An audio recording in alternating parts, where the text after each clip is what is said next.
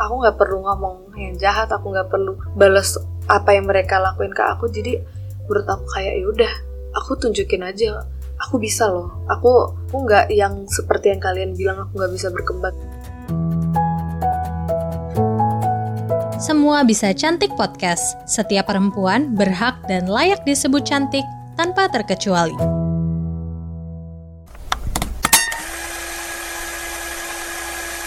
Hai Style Lovers, kembali lagi dengan aku Cherry di podcast Semua Bisa Cantik yang akan membahas mengenai stop beauty shaming dan melawan standar kecantikan. Kali ini aku sudah ditemani dengan Gaby. Gaby merupakan salah satu dari banyak perempuan yang juga mengalami body shaming. Fisiknya dijadikan bahan bercandaan oleh orang-orang yang ia kenal.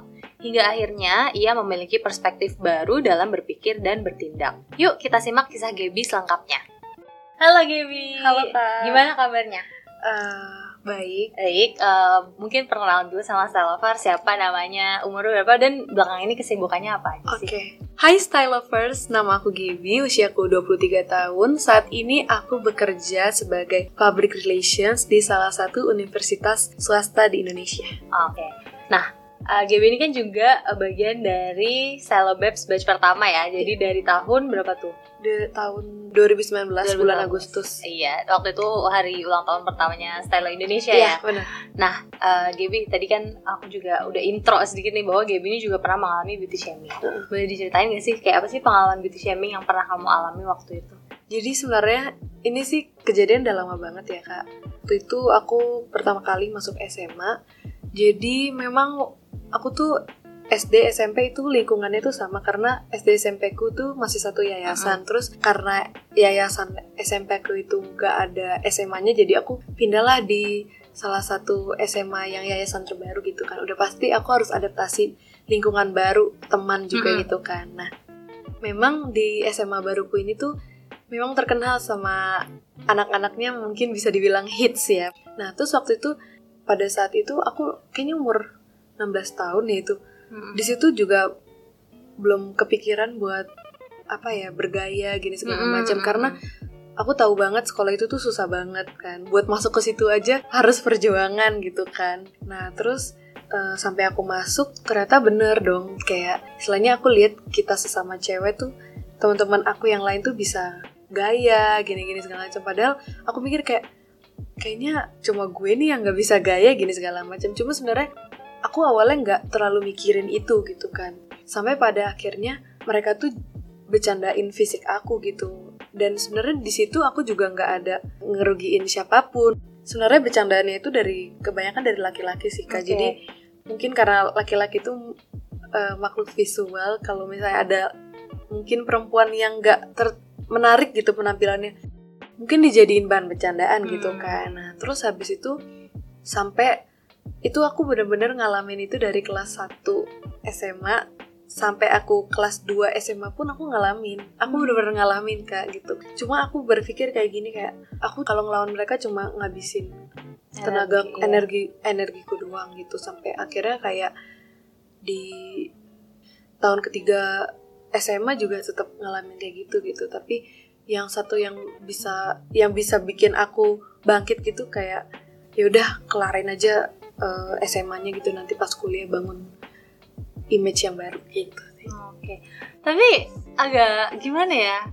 Bagian dari diriku tuh kayak menolak. Tadi kan kamu bilang nggak mungkin mereka makhluk visual. Jadi ketika melihat sesuatu yang nggak disuka jadi. Iya. Tapi kan maksudnya kita selalu punya pilihan untuk diem aja kan? Kita selalu punya pilihan untuk nggak usah ngatain gitu Iya. ya kan? Nah, tuh pengalaman kamu itu ada nggak sih kayak apa sih kayak perkataan yang paling mengganggu yang masih kamu ingat sampai sekarang? balik lagi itu jadi yang paling sedih itu jadi waktu aku kelas 3 SMA aku tuh suka sama orang kan Hmm. nah terus ternyata temenku juga itu suka sama orang tersebut gitu tapi Hmm. nggak terlalu deket lah terus kedengeran lah sama si cowok ini kalau saya ada dua cewek nih yang suka sama dia Hmm. gitu aku dan si cewek itu gitu terus yang sedihnya tuh kayak ini memang aku nggak denger langsung sih gitu. Tapi kayak ada temanku sahabat aku tuh ngomong gitu kayak iya jadi si cowok ini tuh pas tahu lo suka sama dia dia ngomong najis ngapain gue suka sama dia gitu. Terus aku tuh kayak ya ampun emang segitunya Ah, gitu iya, ya? iya. padahal aku lo nggak ada ganggu dia gitu Iya, kayak aku tuh kayak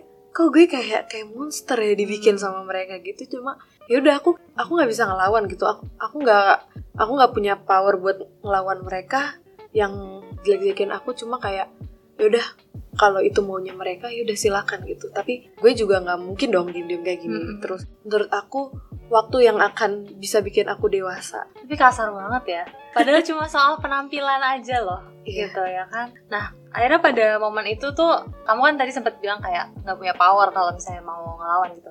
Akhirnya gimana sih kayak waktu itu apa kamu bener-bener nggak menanggapi perilaku mereka gitu biarin aja atau waktu itu apa yang kamu lakuin?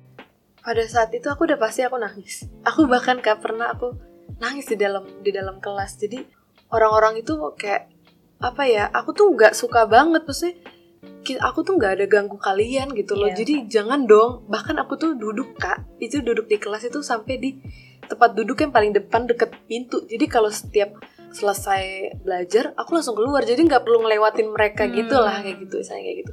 Ya paling aku nangis doang sih kak Waktu itu ya. pada saat itu aku cuma nangis doang dan eh, apa ya eh, mamaku sih yang selalu nging, apa nyemangatin aku supaya kayak udah nggak perlu yang penting kamu sekolahnya benar gitu Hmm. karena emang di sekolah itu emang susah banget Hmm. gitu deh Jadi walaupun kamu ngerasa masa SMA tuh kayak masa paling iya bener-bener gitu ya. nggak mau kayak nggak mau lagi nggak mau lagi Kalau orang-orang bilang kan masa SMA paling indah. iya nggak nggak nggak nggak banget masa SMA tuh kalau aku tuh kayak duh skip lah Dan itu sangat diinget-inget. sangat menantang karena kita waktu itu lagi puber, lagi remaja Iya, gitu kan. iya.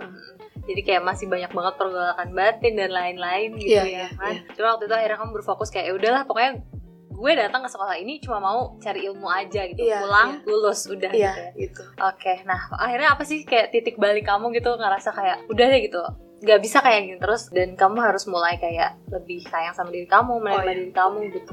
Dan apa ya mungkin kamu maafin mereka gak sih sekarang? Apa kamu udah memaafkan mereka?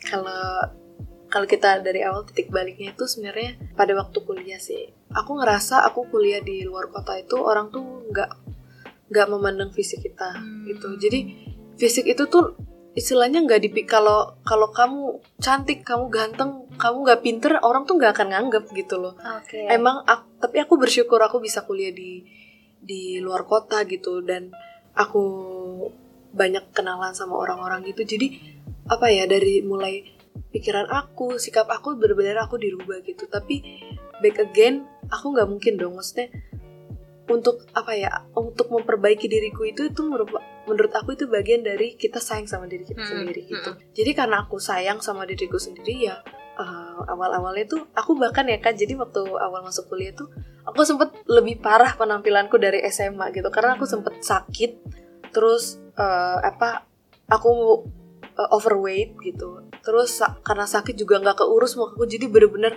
apa udah, udah dekil terus aduh parah deh. Gitu, udah buruk banget dan kayaknya terus sampai akhirnya rambutku tuh rontok kak. Oke. rontok. Terus habis itu aku konsul ke klinik kecantikan dibilang "Ha, rambutnya harus dipotong dibondol gitu. Akhirnya dipotong lah di sampai di bawah di bawah telinga gitu kan. Terus ya udah akhirnya di situ pun aku sadar gitu. Kayak teman-teman kuliahku emang nggak ada yang ngatain fisikku tuh nggak ada Mm. sama sekali. Cuma emang aku ngeliat kayak oh mereka paham gaya mereka mereka bisa nih makeup gini-gini segala macem gitu kan ya udah akhirnya aku awal-awal pun satu-satu lah aku giniin mm. kan karena nggak mungkin minta sama orang tuaku eh, buat semuanya gitu Iya. kan karena kan sekarang permasalahannya waktu itu rambutku Iya. rambutku bener-bener rontok banget sampai akhirnya ra- rambutku udah udah selesai gitu kan udah sembuh lagi baru aku fokus ke wajahku dan pokoknya semuanya dia memperbaiki dari mulai nge-gym gini segala macem waktu aku kuliah pun pada saat itu aku pun ketemu sama cowok yang bisa nerima aku apa adanya gitu. Tapi di situ aku juga sudah memperbaiki diriku. Tapi menurut aku kayak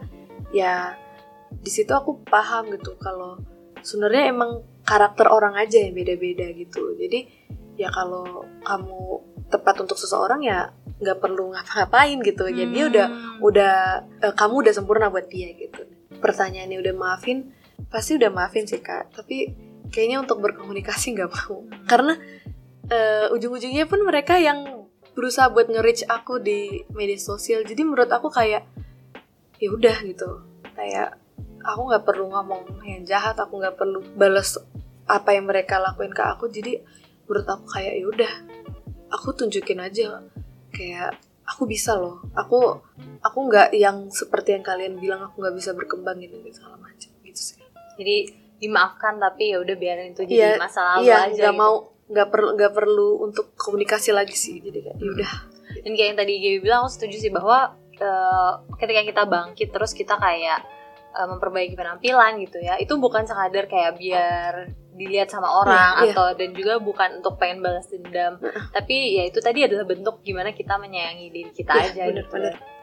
Kan kita tadi udah ngobrol banyak nih bahwa sebenarnya kayak perubahan eh, kita ngerasa sebagai perempuan harus tampil kayak gini kayak gini itu kan bagian dari standar kecantikan Iya. juga kan dari masyarakat yang di mana itu tuh bisa jadi toxic juga gitu kan tapi kalau menurut kamu sendiri nih sekarang gitu kan, kan tadi kan kamu bilang kayak pola pikir kamu tuh udah sangat berkembang setelah apa eh, kuliah di luar kota ketemu sama teman-teman Hmm. baru jadi pola pikirnya lebih terbuka gitu bahwa oh ternyata penampilan tuh bukan segalanya gitu Iya, ya nah kalau menurut kamu sendiri nih sekarang eh, ketika ngelihat seorang perempuan apa sih yang lebih penting daripada kayak penampilannya sesuai sama standar kecantikan atau enggak gitu ya udah pasti aku tuh minder banget sama perempuan yang pola pikirnya maju banget maksudnya Hmm.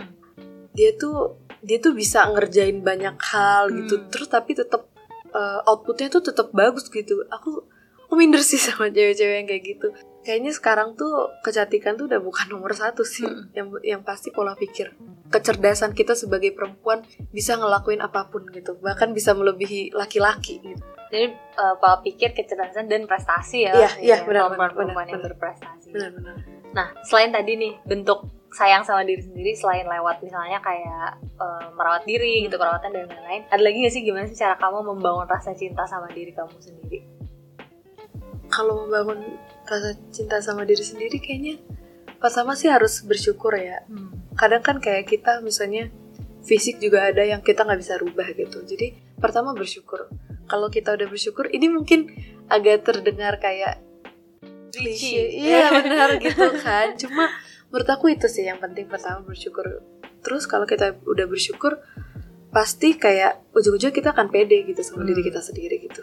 Itu sih karena menurut aku kalau kita tuh nggak pede tuh eh, ujung-ujungnya bi- bisa ngerugiin diri kita sendiri. Maksudnya pede tuh bukan berarti kita harus kayak show off atau gimana. Maksudnya kita pede untuk nunjukin kemampuan kita pikiran kita kayak gitu. Oke, nah ada nggak tips yang bisa kamu share ke style lovers buat eh, biar pastinya kan style lovers juga banyak nih yang mungkin sekarang mengalami hal kayak gini. Kan banyak banget dialami sama perempuan.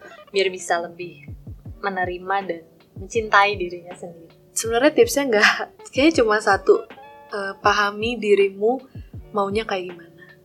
Maunya eh, ke depannya maunya sukanya ngapain nih gitu. Ya udah kembangin apa yang udah kamu bisa atau yang pengen kamu pengen kamu kembangin kayak gitu. Jadi fokuslah sama diri sendiri nggak usah banding bandingin sama orang lain. Karena eh, apa ya perjalanan hidup orang tuh beda-beda. Ada yang di umur segini udah kayak gini ada yang di umur segini baru kayak gini gitu. Jadi semuanya itu butuh proses dan proses setiap orang tuh beda-beda gitu Dan nikmati aja. nikmati prosesnya. bener nikmati bener. eh, ntar seiring dengan waktu kita nggak sadar, oh ternyata aku udah iya sejauh ini iya gitu bener ya bener bener bener Ketika kita fokus sama diri Bener. Oke deh Gaby, makasih banyak ya Makasih. udah mau sharing sama Style Lovers hari ini. Semoga sukses selalu. amin karirnya dan juga sebagai seorang perempuan bisa terus berkembang ya Amin. kan dan semoga Style Lovers di rumah juga pastinya ya.